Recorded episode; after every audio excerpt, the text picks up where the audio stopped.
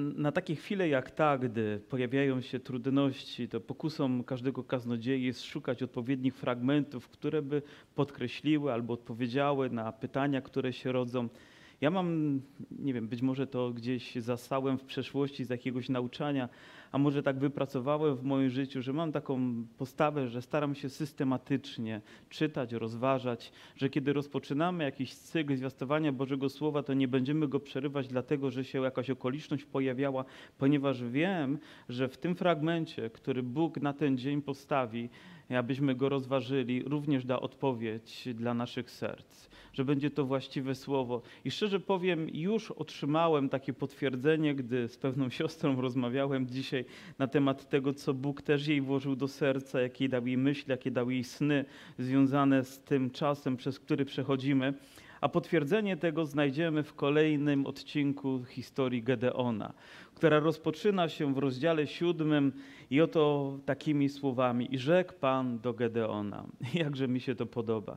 Wiecie, od człowieka, który jest tak rozbity duchowo, emocjonalnie, fizycznie, zaniepokojony stanem świata, życia Izraela, tego, co się dzieje, człowieka, który ma wiele pretensji do Boga, do człowieka, który otwiera się, aby słuchać Boga.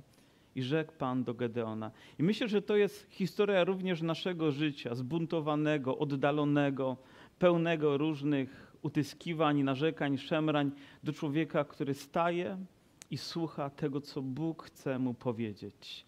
Ta droga nie jest łatwa, może jest obwarowana też pewnymi decyzjami, które musimy podjąć, ale myślę, że właśnie do takiego miejsca Bóg chce doprowadzić każdego swojego wierzącego człowieka, każde swoje dziecko, abyśmy słuchali Jego głosu. I oto co mówi, przez tych 300 mężów, którzy chłeptali wodę, wybawię was i wydam Midianczyków w Twoje ręce. Cała zaś reszta ludu niech idzie każdy do swojej miejscowości. Oczywiście dla tych, którzy nie byli tydzień temu i dwa tygodnie temu, należałoby się pewne wprowadzenie związane z tym, że kiedy Gedeon ogarnięty przez ducha zadał w trąbę, przy nim zebrało się 32 tysiące wojowników duża liczba, ale Pan powiedział, zaliczna jest ta grupa, zaliczne jest to wojsko, będę dał Ci zwycięstwo, bo przypiszecie je sobie, a nie mnie. I zaczął się czas weryfikacji. Oto powiedział Gedeon, kto bojaźliwy, oczywiście za poleceniem Boga, niech wróci do domu i 20 tysięcy 22 tysiące jednego dnia odpłynęło, a więc ponad dwie trzecie. Pozostało 10 tysięcy, tych sprowadził na potok i Pan mówi, a teraz ja kogo powiem, że ten pójdzie, to ten pójdzie, a o kim powiem, że nie pójdzie, to ten nie pójdzie. I Bóg zaczął dokonywać wyboru na podstawie tego, jak oni pili wodę z potoku. Ciekawe doświadczenie, prawda? To tak jak ja bym stanął sobie gdzieś przy naszym zbiorniku z wodą, patrzył na każdego z was i na podstawie tego decydował duchowy, nieduchowy, odważny, nieodważny, powołany, niepowołany, jak trzymacie kubek, jak szybko wypijacie, jak, no, no, no wiecie, jakie szczegóły można zobaczyć w takim oto momencie. A więc więc niełatwo jest na tej podstawie weryfikować, ale Bóg zdecydował. I rzeczywiście wybrał ludzi, którzy robili to delikatnie, chłeptali wodę. Nie wlewali ją z siebie strumieniami, ale robili to w delikatny sposób. Czy to nie jest nieco dziwne, że Pan Bóg na przykład nie wybrał Ezawa, który był takim wojownikiem, takim człowiekiem, wydaje się, gotowym do tego, żeby walczyć, niemalże dzikim, iść w pola, polować, a wybrał sobie Jakuba, to tak jakby nie wybrał Rumcajsa, ale jakiegoś lolka albo bolka, prawda? Tylko po prostu takiego domownika, kogoś zupełnie, na kogo my byśmy nie postawili. Że Bóg dokonuje wyborów na podstawie czegoś, czego my nie widzimy, bo patrzy na nasze serca. A więc nikt nie ma prawa zdefiniować ciebie, że ty się nie nadajesz i nawet gdyby takie kłamstwo się pojawiło, to masz prawo mu się przeciwstawić, bo Bóg wybiera. Nauczyłem się też takiej lekcji, że aby było lepiej, musi być czasami gorzej.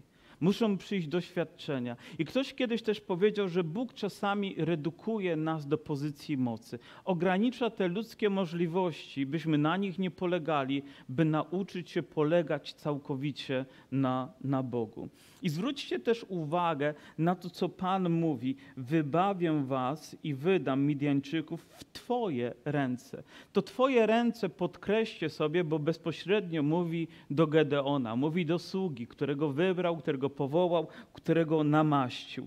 Pozostali zaś odeszli i zebrali się wtedy z sobą, y, i zabrali tedy z sobą żywność dla zastępów i swoje trąby. Resztę zaś mężów izraelskich odesłał do domu, lecz owych trzystu mężów zatrzymał, a obóz Midianczyków miał poniżej od siebie w dolinie. Już nauczyłem, myślę, Was tego, że czytając takie fragmenty zwracamy uwagę na nawet takie szczegóły, gdzie Bóg nastawia, w jakim miejscu nastawia. I tutaj widzimy, że oni są wyżej położeni niż Midianczycy. Zauważacie? Są gdzieś na górze, a Midianczycy, rozumiem, są w dolinie, więc mają pewną perspektywę spojrzenia na to, co się dzieje. To, to nie jest łatwy widok, bo za chwilę przeczytamy, jak liczna była rzesza tych, którzy stawiali przeciwko Izraelowi ale chciałbym, żebyśmy rozumieli, w jakiej pozycji Bóg nas stawia nas, Kościół, nas, ludzi wierzących, abyśmy mieli właściwe duchowe odniesienie, że to nie jest tak, że my gdzieś tam w dolinie jesteśmy, ale Bóg stawia nas na górze, prawda? Mówi: stań tutaj obok mnie, to jest miejsce dla ciebie. Bóg chce, abyśmy mieli właściwą perspektywę spojrzenia na to, co się dzieje, abyśmy nie poddali się żadnej ludzkiej myśli, osądowi albo jakiemuś fałszywemu obrazowi, ale wiemy, gdzie Bóg nas umieścił. Nawet Słowo Boże mówi, że my już jesteśmy umieszczeni w niebie, że już tam Bóg ustanowił naszą pozycję, abyśmy z tej perspektywy mogli patrzeć na rzeczywistość, którą nas otacza. A miejsce, w którym jesteśmy, ma znaczenie jak patrzymy na to, co się dzieje wokoło nas. Prawda, że tak? Jeżeli ktoś jest w Chrystusie, jeżeli ktoś jest nowym stworzeniem, jeżeli ktoś jest z Bogiem, to będzie miał też właściwe zrozumienie, że Duch Święty da nam oświecenie naszego serca. Oczywiście, że możemy nadużyć tego słowa, mówiąc: O Boże, ja kroczę z Tobą, ale osąd jest zwyczajny, ludzki, nie na podstawie tego, jak Bóg na to patrzy, jak Bóg objawia nam rzeczywistość, w której żyjemy, tylko nasze ludzkie emocje się tutaj odzywają. Ale ten obraz przemawia do mnie, jak wiele innych, gdy Bóg wzywał Mojżesza, aby poszedł dalej poza pustynią pustyni, aby wszedł na górę, aby zobaczył gorejący krzak, jak Bóg również prowadził swoich uczniów, jak zabierał ich czasami na górę, jak tam dokonywały się rzeczy na ich oczach, aby nauczyć ich pewnych lekcji, które później będą mogli wykonywać w dolinach. I myślę, że Bóg wie, gdzie jesteśmy. Bóg wie, w jakiej sytuacji jesteśmy, ale my też powinniśmy wiedzieć, w jakim miejscu zostaliśmy usytuowani przez Boga. Tejże nocy rzekł Pan do niego. Zastanawia mnie, dlaczego tak często w tych fragmentach jest napisane, że w nocy Bóg przemawiał do Gedeona. Że Gedeon tak zajęty był w ciągu dnia, że nie miał czasu na to, a może też Pan Bóg wybierał takie pory, kiedy nasze myśli czasami są skupione tylko na nim, albo przestajemy w ogóle tylko myśleć o tym, co na zewnątrz i jesteśmy na tyle otwarci na to, co Bóg chce powiedzieć powiedzieć. Ja wierzę w to, że Bóg przemawia do nas wieczorami i przemawia do nas przez sny. Wy również wierzycie w to? Ponieważ wtedy my przestajemy kontrolować i otwieramy się na to. Musimy być tutaj ostrożni, by nie zastać czegoś niewłaściwego, ale jeżeli jesteś Bożym dzieckiem, jeżeli chodzisz w Duchu Świętym, jeżeli Twoje Boże Słowo towarzyszy Twojemu życiu, to wierzę, że również ten obszar doby, którą jest noc, Bóg potrafi wykorzystać w niezwykły sposób, by przemówić do nas. I, I, są sny, które się pojawiają i wyparują, ale są sny, które pozostają w nas, są słowa, które w nas pozostają i Pan później je wykorzystuje. Wstań, wtargnij do obozu, gdyż wydałem go w ręce Twoje. Po raz kolejny Pan mówi, co ma robić. Wstań i coś dramatycznego. Wtargnij do obozu, bo ja wydałem je w ręce Twoje. Zwróćcie uwagę na czas, który jest tutaj użyty. Wydałem, nie wydam, ale wydałem. To znaczy, że Bóg już coś, do, co, coś dokonał w życiu Gedeona, a teraz mu to objawia. Zgadza się? My Po bitwie możemy być mądrzy, o tak, wygraliśmy, ale jak zachowujemy się przed bitwą? I myślę, że jako ludzie wierzący będziemy musieli staczać bitwy, ale zwycięzcami możemy być w każdej chwili naszego życia. Już teraz, jutro przed Tobą wyzwanie, jutro przed Tobą bitwa, jutro przed Tobą egzamin życia, jutro przed Tobą okoliczności, które będą trudne, ale jako wierzący człowiek, znając Jezusa, znając to, kim On jest i to, gdzie On się umieścił, już teraz Pan chce, abyśmy wiedzieli, jaką wartość mamy w Jego oczach i że to nie ta rzecz zdominuje nas, ale my ją zwyciężymy, bo ten, który w nas jest większy. To bardzo ważne słowo, myślę, dla nas bo ja nie wiem, co przyniesie 12 listopada. Nie wiem, co się wydarzy, gdy znowu przyjdą jakieś kolejne obostrzenia, którymi no, próbuje się nas zastraszyć pewnie. Nie wiem, czy one są potrzebne, czy nie, ale wiem, że chodząc z Bogiem będę na to przygotowany. Już teraz przyjmuję właściwą postawę, by ta rzecz nie wgniotła mnie jeszcze bardziej w ziemię, bym nie czuł się wtedy rozdarty wewnętrznie, ale był przygotowany już teraz na tym miejscu, gdy stajemy w Bożej obecności, możemy wiedzieć, że jesteśmy wolni. Nieraz na ewangelizacjach też słyszałem później, jak Pan przemawiał do ludzi, a ludzie składali świadectwo po czasie, że w tym momencie, kiedy przyjęli słowo, wiedzieli, że już nie napiją się alkoholu, wiedzieli, że już nie sięgną po narkotyki, czy nie sięgną po papierosy, czy nie będą więcej sięgać do pornografii, czy więcej nie będą zadawać bólu innym. Dlaczego? Bo Bóg już dał poprzez swoje słowo przekonanie i zwycięstwo w ich sercu. Jeżeli przyjmiesz właściwą postawę otwartości na Boga i na to, co Bóg mówi, już teraz możesz powiedzieć: Tak, jestem zwycięzcą. I wiem, że trudno byłoby nam zaśpiewać tą pieśń, ale Boże Słowo wzywa nas do tego, byśmy zaśpiewali, że jesteśmy bohaterami. Bohaterami w wierze. Dlaczego? Bo zaufaliśmy Jezusowi, bo zaufaliśmy świętemu, bo zaufaliśmy najwyższemu Bogu, który ma wszelką moc. Już teraz moje serce może być przygotowane, może być dzielne, może być zwycięskie. Okoliczności będą się zmieniać, ale moja wiara powinna być niezmienna. Ona potrzebuje słowa, by była karmiona. Ona potrzebuje ufności, by się nie zmieniała. Ona potrzebuje wytrwałości, a do tego trzeba rzeczywiście też i świadomej, świadomych działań poprzez karmienia ją właściwymi, właściwymi słowami tejże nocy żeń, wstań, wtargnij, zrób coś dramatycznego, nie bój się. Lecz Pan zna nas i mówi dlatego dalej tak. Lecz jeżeli się boisz, wiecie, Bóg daje nam słowo zapewnienia, mówi, ale jeśli się boisz, no takie po prostu odpowiadające na potrzeby każdego z nas. Kto z was by utożsamił się z tym słowem? Dostajesz obietnicę, mówi, ale jeśli się boisz, no to rzeczywiście potrzebujesz czegoś więcej. I radę, którą daje Bóg, ona jest dziwna. Może nawet niezrozumiała. Bo wydaje się, jeżeli potrzebujesz nie bać się, to może do innego fragmentu słowa sięgnij może jeszcze więcej poczytaj z psalmów obietnic, a może z, ze słów Pana Jezusa, z nauki apostolskiej, albo z jakiegokolwiek, po prostu więcej potrzebujemy potwierdzenia i to jest właściwe, byśmy to, to czynili. Lecz co Pan mówi? Lecz jeśli się boisz wtargnąć, to podejdź najpierw wraz ze swoim gierkiem purą pod obóz i posłuchaj, co tam mówią, a potem nabierz otuchy. Innymi słowy, idź i podsłuchaj. Czy to nie wydaje się takie w, w ogóle niewłaściwe? Iść do obozu wroga, by posłuchać na swój temat?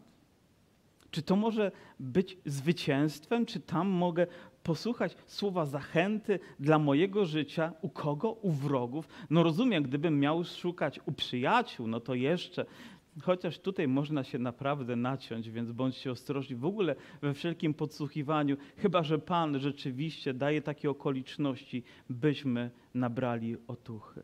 Ale w obozie wroga mogą być dla nas słowa zachęty. Nawet tam Bóg może dokonać czegoś, co nas zadziwi. Ja, no są wydarzenia gdzieś z naszego życia, które utrwalą się na całe lata w nas. I nawet nie pamiętam dokładnie daty, ale było to bodajże chyba w czwartej klasie szkoły podstawowej, a więc możecie sobie wyobrazić jak dawno, ale musiało mieć to dla mnie znaczenie, skoro zapamiętałem do dnia dzisiejszego.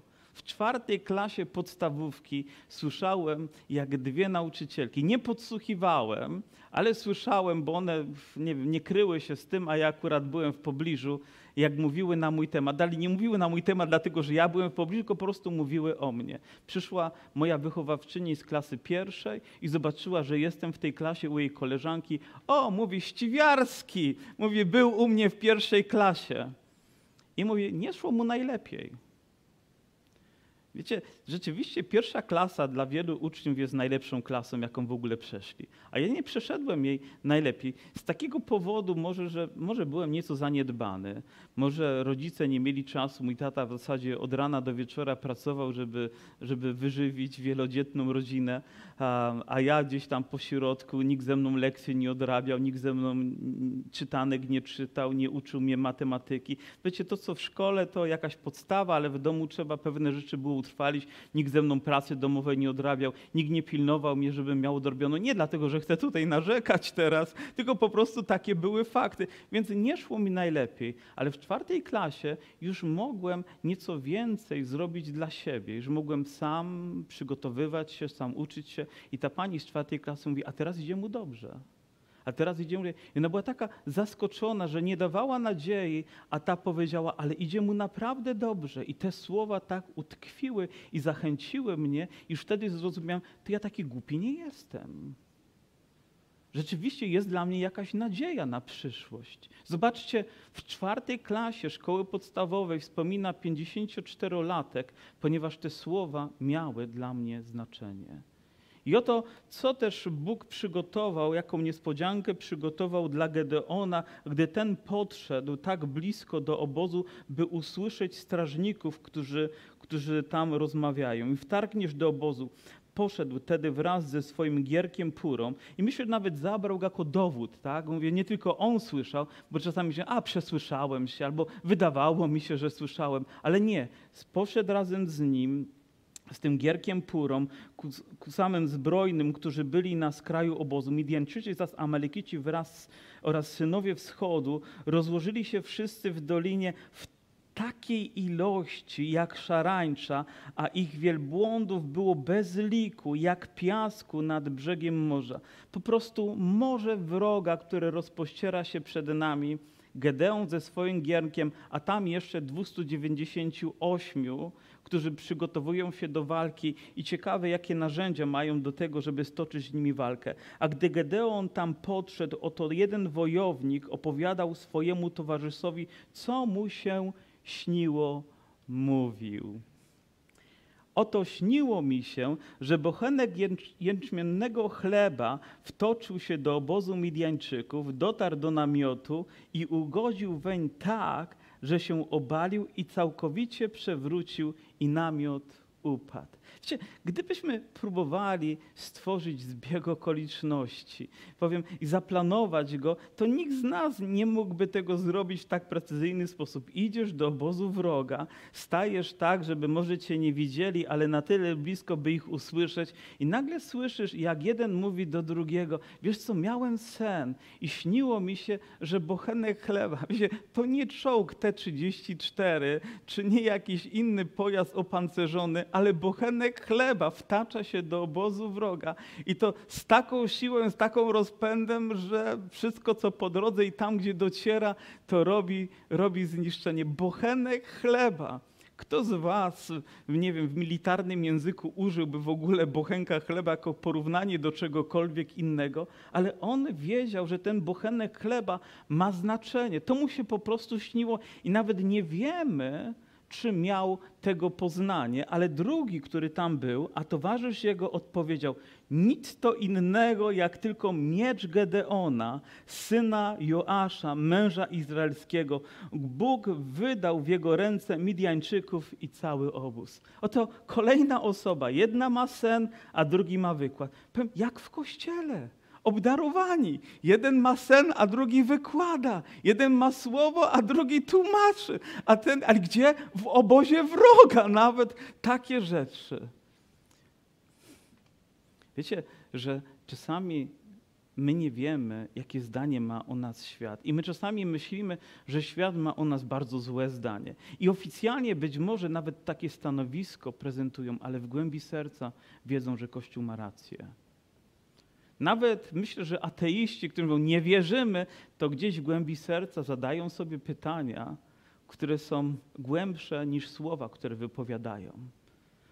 To jest miejsce, gdzie możemy uzyskać również coś, czego my potrzebujemy. I dlatego nie wiem, dlaczego my ludzie tak boimy się, nie wiem, rzeczy, które są ze świata, o tylko tutaj. A czasami idąc, idąc gdzieś, rozmawiając z ludźmi, uczestnicząc być może w jakichś wydarzeniach, oczywiście, że są jakieś granice, których nie przekroczymy, nie będzie to związane z okultyzmem ani z niczym innym, ale możemy też nabrać otuchy, a nawet potwierdzenia. Może nie wiem, oglądać oglądając albo telewizję, oglądając jakiś program, albo słuchając muzyki, nagle ktoś przemawia i ty wiesz, że te słowa tego świeckiego człowieka są jakby odpowiedzią dla ciebie. Zdarzyło wam się to również, że z ekranu nawet Pan Bóg potrafi w taki sposób ponadnaturalny przemówić, że czasami czytacie jakiś artykuł. Dam wam przykład.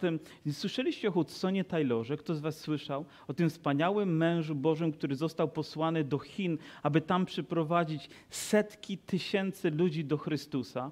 O, wtedy w Chinach było przebudzenie. Dzisiaj o Chinach nawet myśleć nie chcemy, prawda, z jakiegoś wiadomego nam powodu. Ale jak to się stało, że Hudson Taylor pojechał do Chin? Pewnego dnia jego ojciec przy obiedzie miał taki zwyczaj, wziął gazetę i zaczął czytać. I czytał jeden z artykułów dotyczących Chin.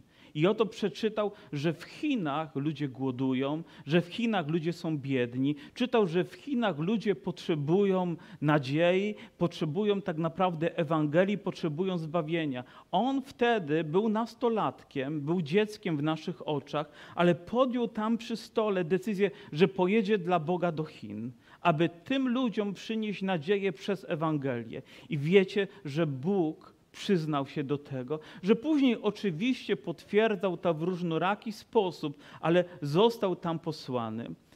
Kiedy David Wilkerson oglądał pewnego dnia telewizję i zobaczył na ekranie przemoc, gdzie gangi walczyły ze sobą, a później były w sądzie, Bóg w sercu tego człowieka wzbudził pragnienie, aby pojechać do Nowego Jorku, znaleźć się w centrum wojny, by zanieść im Ewangelię, by mogli usłyszeć dzieło zbawienia, by tam Bóg rozpoczął swoje przebudzenie. I myślę, że moglibyśmy takich historii mnożyć a więc gdy czytasz złe wieści, które są złymi wieściami w tym świecie, my możemy właściwie je zrozumieć. To były złe wieści dla Midianczyków, zgadzacie się?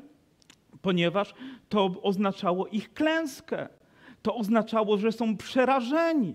Gdy Izrael wkraczał do swojej wybranej ziemi przez Boga, przeznaczonej mu, i gdy wysłali wywiadowców, to myśleli, że Jericho to takie potężne miasto, które stoi ogromnymi murami i jest przeszkodą nie do przejścia, ale kiedy znaleźli się w środku i spotkali się z tam pewną kobietą, która, wiecie, jaką miała reputację, została określona, ale później, przeczytajcie sobie rodowód Jezusa, zobaczycie, gdzie ją ujrzycie, ona powiedziała, już teraz drżymy na myśl, że wy tutaj wkroczycie. Czy to nie dziwne, że Bóg w taki sposób potrafi się posługiwać? A więc gdy ja czytam o złych czasach, o kolejnych rzeczach, staram się właściwie rozumieć, właściwie interpretować i nie pozwolić, by moje serce jeszcze bardziej zostało obciążone, ale wykorzystać też to dla Bożej chwały. Może teraz w kryzysie, może teraz w niemocy rodzi się coś, co Bóg użyje w wielokrotny sposób dla swojej chwały. Nie tak dawno podczas środowego nabożeństwa deklarowałem też to, że oczekuję przebudzenia. Ktoś z Was był na tym nabożeństwie? Możecie odsłuchać. Oczekuję przebudzenia. A później przyszły jeszcze trudniejsze wieści i znowu trzeba się z nimi zmierzyć. Czy myślicie, że łatwo sobie z tym poradzić? Czy nie jest tak, że takie myśli zaczynają topnieć? Próbują, Ale jeżeli coś jest z Boga, jeżeli zostało rozpalone w naszych sercach, to nie poddamy się. Być może Twoje życie, być może Twoja kariera, może Twoje życie zawodowe zostało poddane próbie i inne rzeczy, ale proszę, nie poddawaj się. Nie pozwól, by te złe wieści ograniczyły Twoją wiarę, by spowolniły Twoje kroki za Chrystusem, by nie wiem, napawały Cię tym, co złe, ale właściwie powinniśmy odczytywać to, co się dzieje.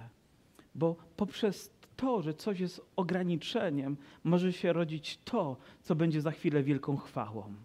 Przez 300 a w tym momencie też i przez Gedeona. A więc gdybyśmy byli nie tylko jednymi z 300, ale gdybyśmy też byli w naszych sercach podobni do Gedeona, nic to innego. Gdy Gedeon usłyszał opowiadanie tego snu, i jego wykład oddał cześć Bogu. Opowiedziałem, że dzisiaj pewna siostra, ona tutaj siedzi blisko mnie, opowiadała sen, który miała i mówi, widziała, że ten budynek nie jest pusty, ale jest pełen ludzi. W, naj, w najtrudniejszym momencie, od kaplicy aż po strych, wszystko jest wypełnione ludźmi, nawet na korytarzu. Wszystkie pomieszczenia. I mówi, nawet ja byłem zdziwiony, bo byłem tu na środku, byłem zdziwiony. I nie dziwcie się, że byłem zdziwiony. Czy to jest obraz, który powinien utkwić w naszych sercach? Powinien być tym, co zapamiętamy, tym, do czego dążymy, tym, za co teraz już chcemy oddać chwałę Bogu. I ludzie nie przyszli tylko po to, żeby wziąć, ale po to, żeby też coś dać, po to, żeby pójść dalej, po to, żeby uwielbić, uwielbić Boga. Wstań, gdy, i mówi wstań, gdyż Pan wydał w wasze ręce obóz Midianczyków. Prze, przepraszam, muszę wrócić, bo ja się e, zagalopowałem. Gdy Gedeon usłyszał opowiadanie tego snu jego wykład oddał cześć Bogu. Potem powrócił do obozu izraelskiego i rozkazał, wstańcie, gdyż Pan wydał w wasze ręce obóz Midianczyków. Zauważyłem że dwukrotnie wcześniej Bóg mówił do Gedeona: W Twoje ręce wydałem Midianczyków, a Gedeon teraz mówi: Wstańcie, w Wasze ręce, jakby w nasze ręce Bóg wydał obóz Midianczyków. Zauważacie różnicę? Czy ta różnica jest pomyłką? do której dopuszcza się Gedeon, czy jest nadużyciem, czy jest raczej tym, czym powinno się dzielić serce człowieka obdarowanego, by błogosławieństwo, by zwycięstwo przenieść na innych, by nie było to tylko udziałem jednostki, ale udziałem całego Izraela, udziałem całego Kościoła. Czyż właśnie nie do tego nas Bóg powołał, byśmy błogosławieństwo roztaczali dla innych? Bo gdyby Gedeon tylko zatrzymał się na samym sobie i taka pokusa jest i później, gdy historia toczy się, ona się odzywa, ale w tym momencie zachowuje się właściwie jak Boży mąż, jak człowiek naprawdę dojrzały, dzieli się tym zwycięstwem z jego ludem.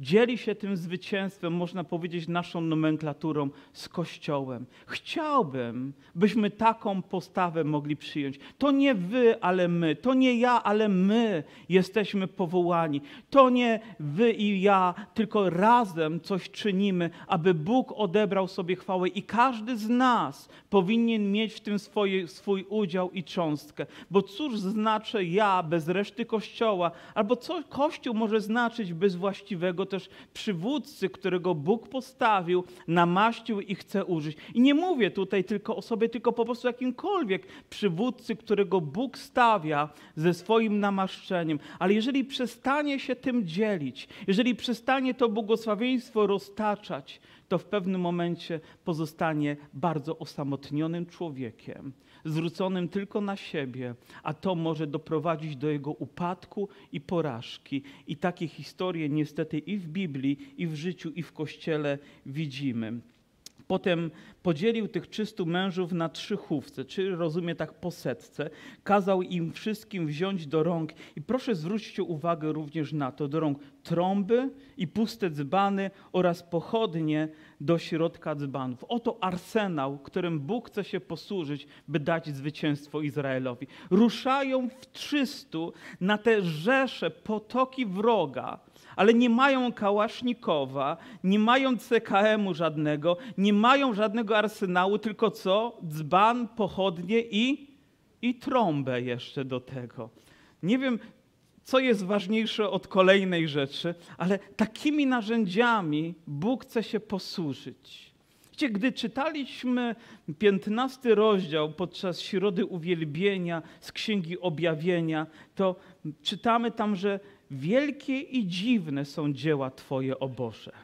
Wielkie i dziwne, ale dziwne również po to, by nas zadziwiać. Dziwne po to, byśmy z nimi nie dyskutowali. Dziwne, że Bóg tym właśnie chce się posłużyć, ale jeżeli On tak decyduje, to ja chcę wziąć trąbę, chcę wziąć dzban, chcę wziąć pochodnie i chcę ruszyć na wroga. Być może wydaje się, że w naszych rękach nie został umieszczony właściwy arsenał, że nie zostało nam dane właściwe obdarowanie, byśmy mogli to użyć, ale to, co Bóg Ci dał, jest wystarczające, abyśmy mogli stoczyć zwycięską walkę. Naprawdę wystarczające. I to, co Bóg dał dzisiaj i umieścił w życiu Kościoła, jest dla nas wystarczające. Nie mów, o, bo ja nie mam tego, bo ja nie mam miecza, bo ja nie mam tarczy, bo ja nie mam tu łuku, bo nie mam jeszcze innych rzeczy. Oczywiście używam tamtej nomenklatury, żeby to jakoś nam uświadomić albo dopasować się do tamtych czasów, ale również i ty dzisiaj dostajesz wezwanie od Boga,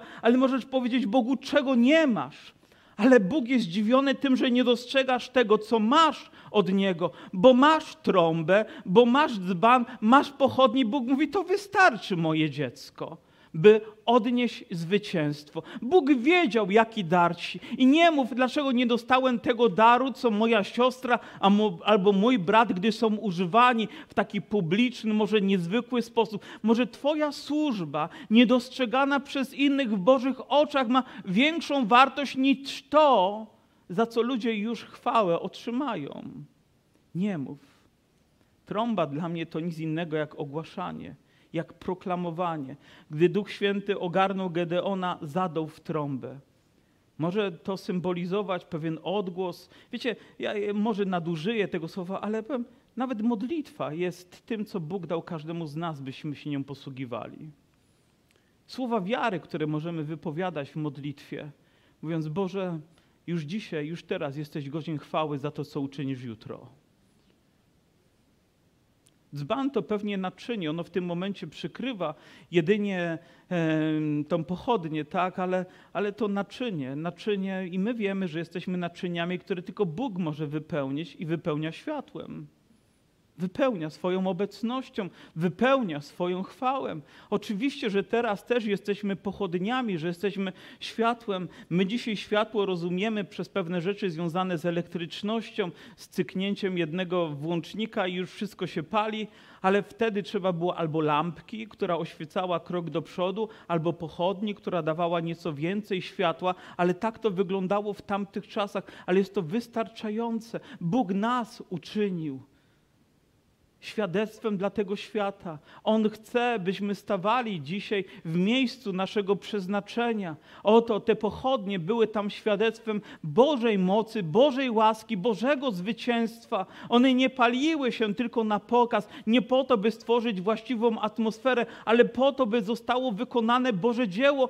i my zostaliśmy jako Kościół właśnie do tego powołani, by wziąć to, na co świat nie zwraca uwagi i użyć to tak, aby Bóg był przez to wywyższony. On innymi narzędziami posługuje się niż w tym świecie. Może nie potrzebujemy nawet wielu z tych rzeczy na zewnątrz, ale to, co zostało umieszczone, naprawdę wystarczy.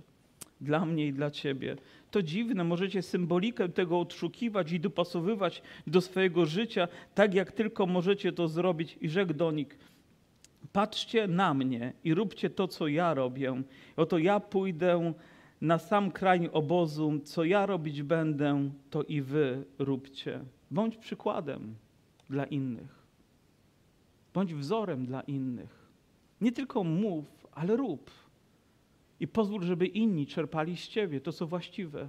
Jezus powiedział: Uczcie się ode mnie, że jestem cichy i pokornego serca. I to nie były tylko słowa, ale to była jego postawa. Gdy go lżono, On był cichy i pokornego serca. Gdy on mógł wyegzekwować swoją sprawiedliwość, był cichy i pokornego serca. Nie upominał się o to, co moje, tylko o to, co służyło chwale Ojca. A to osiągał przez cichość i pokorę swojego serca. Mówi, uczcie się ode mnie.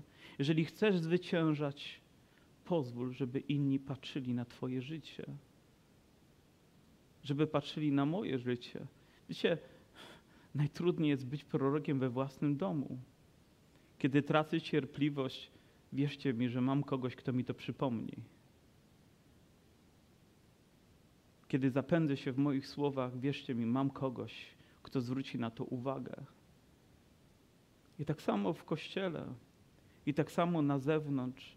Ludzie potrzebują pochodni, może nie potrzebują nawet Twoich słów, ale pochodni, którą zobaczą, świadectwa, które zobaczą, odwagi, którą zobaczą. Uczcie się.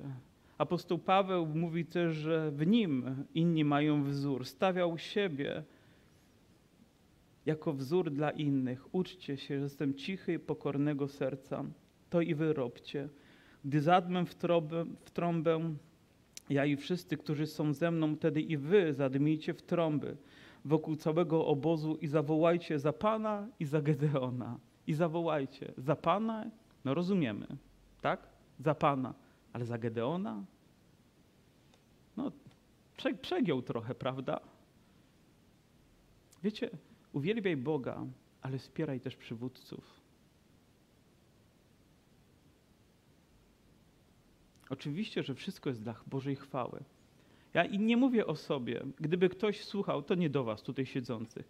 A wiecie, że te ograniczenia są dobre, bo wszystkich mogę widzieć na nabożeństwie? Ja naprawdę każdego mogę zobaczyć, czy w komórce jest teraz, czy gdzieś tam odleciał. M mogę wszystko dostrzec. O, zapisuję to. Ale to nie jest do was. To jest do tych, którzy gdzieś tam oglądają, są z innego zboru. Powiem, wspieraj swojego pastora. Wspieraj swoich starszych, wspieraj swoich przywódców. Nie tylko oczekuj, ale dawaj wsparcie. Dlatego, że wszyscy jesteśmy tylko ludźmi. Jeżeli nie otrzymamy właściwego wsparcia, to wcześniej czy później nasze ręce opadną. Nie chcę, żebyście krzyczeli, idąc z tego nabożeństwa, za Pana i za Jarka, bo was źle zrozumieli. I pamiętajcie, że ja nie jestem Jarosław, tylko Jarek. To dopiero by było. Nie? Rozpędziłem się, Panie Boże, wracamy do Biblii, bo chyba za daleko się posunąłem w przykładzie. Ale wspierajcie, wspierajcie swoich przywódców, podnoście im ręce, bądźcie razem z nimi, wspieraj swojego lidera, którego Bóg postawił, wspieraj służbę, którą wykonuje, wspieraj, ponieważ mamy tendencję do tego, żeby ustawać i zatrzymywać się.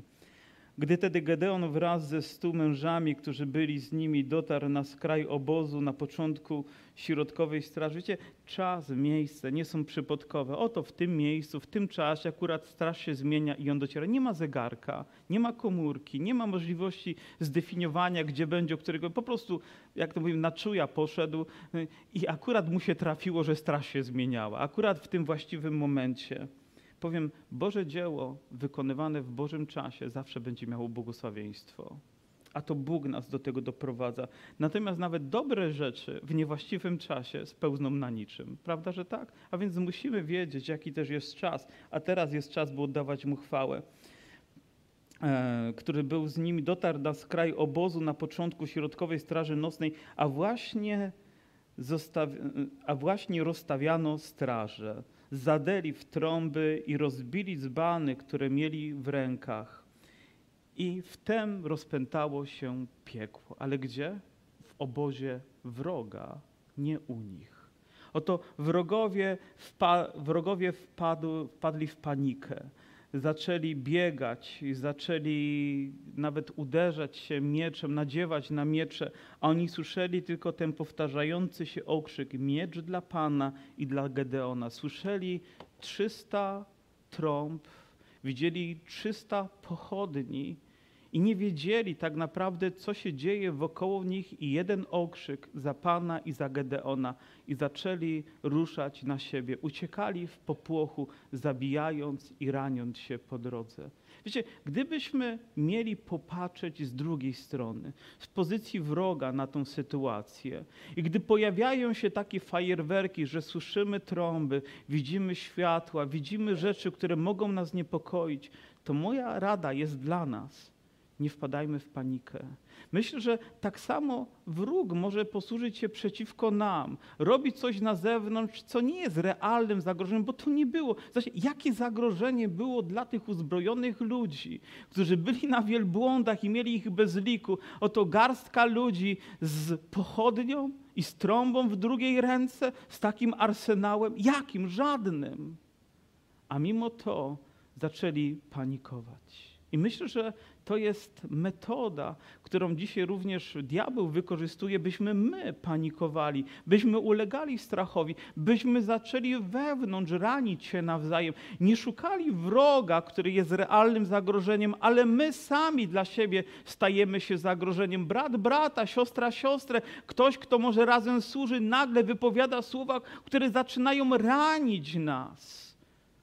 Jest to objawem czegoś niezdrowego, coś, co się pojawia. Może jest to wy, wynikiem zewnętrznych sytuacji. Czasami się zdarza, że ktoś ma zły dzień na zewnątrz, ale przychodzi i przerzuci to na kościół. Wrzuci to w kogoś wierzącego, bo po prostu coś się przytrafiło. Nie może tak być. Wchodząc tutaj, powinniśmy otrzepać kurz z naszych stóp i wejść, by oddać chwałę Bogu, prawda? Powinniśmy wyzbyć się takich myśli i nie pozwolić, by zabrało to miejsce dla chwały dla Boga, dla Jego słowa. Nie, nie pozwolimy na to.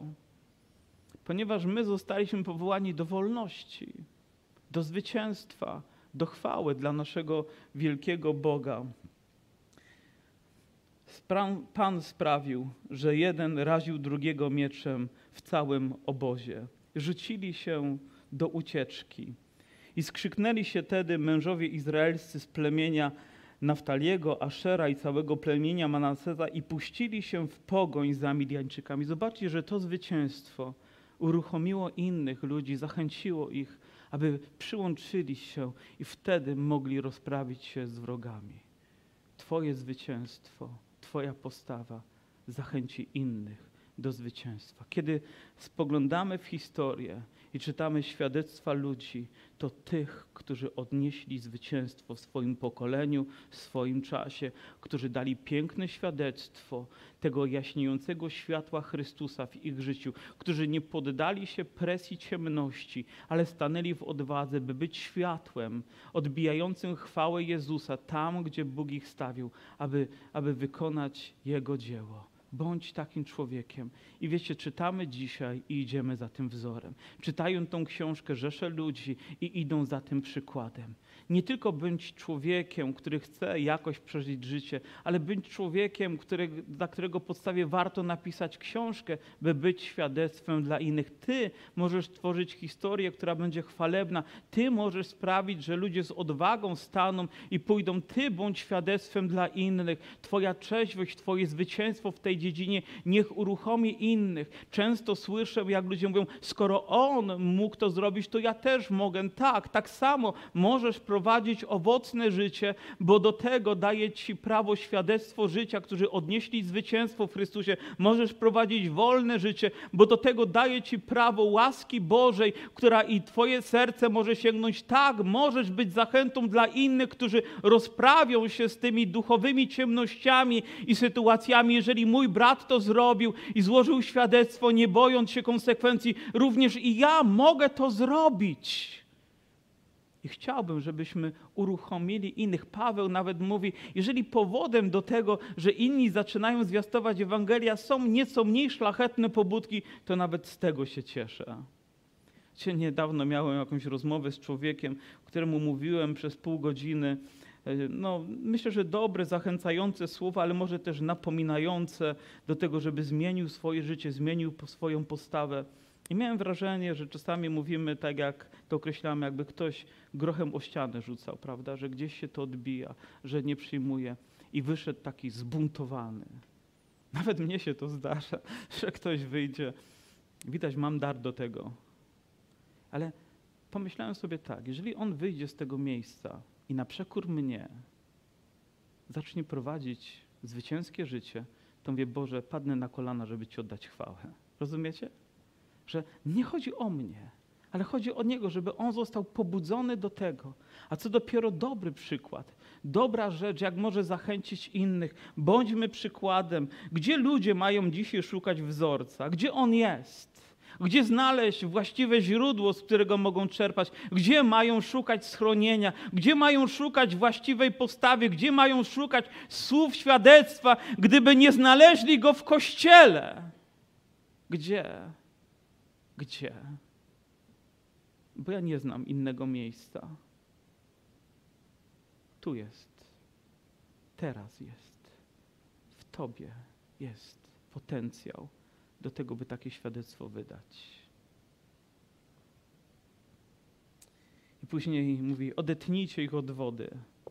O, to dobra strategia na koniec. Wroga odciąć od wody. Natomiast chcę powiedzieć, że Ciebie i mnie nic nie odetnie od źródła, jeżeli my sami tego nie zrobimy.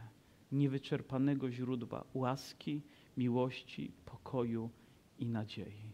I później nawet wzięli tych dwóch królów, złapali, czy tych możnych i, i rozprawili się z nimi. I nawet na, na cześć albo na pamiątkę tego wydarzenia nazwano te miejsca od ich imienia, bo tak to rozumią, aby pamiętał Izrael, że tam dokonało się zwycięstwo. Tam Bóg triumfował. Tam Bóg przez tych trzystu odniósł wielki, wielki triumf. Tam poprzez te narzędzia Bóg objawił swoją moc. I wierzę, że dzisiaj Bóg chce to czynić. Ale to, co chciałbym, żebyście zapamiętali, to to, że na początku Bóg mówił: Wydaję w Twoje ręce. Nie tylko wydam, ale wydaję w Twoje ręce. Już teraz Bóg coś rozpoczyna. Już teraz. Wiecie, chwili, gdy Jezus zwiastował słowa, już wtedy ludzie mogli wierzyć, już wtedy ludzie mogli żyć Ewangelią, już wtedy mogli rozpoczynać nowe życie, a później być tylko tego świadectwem. Już teraz Bóg coś wyjątkowego chce rozpocząć w Tobie. Jutro, ja nawet nie wiem, z kim się spotkasz. Może spotkać się z kimś, kto będzie trudnym, taką trudną konfrontacją dla Ciebie. Może jutro spadnie na Ciebie jakiś ciężar, którego nawet nie planujemy, że może się pojawić i nawet okoliczności, nawet nie mówią jeszcze, że tak może być. Ale jeżeli dzisiaj będziesz zwycięzcą w Chrystusie, to jutro będziesz zwycięzcą w tej sytuacji.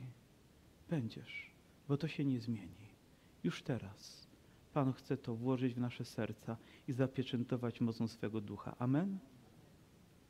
Daj nam wszystkie właściwe narzędzia. Jeżeli masz trąbę, to trąb. Masz pochodnie, niech świeci. Dzban, nawet jeżeli trzeba go rozbić, to trzeba go rozbić.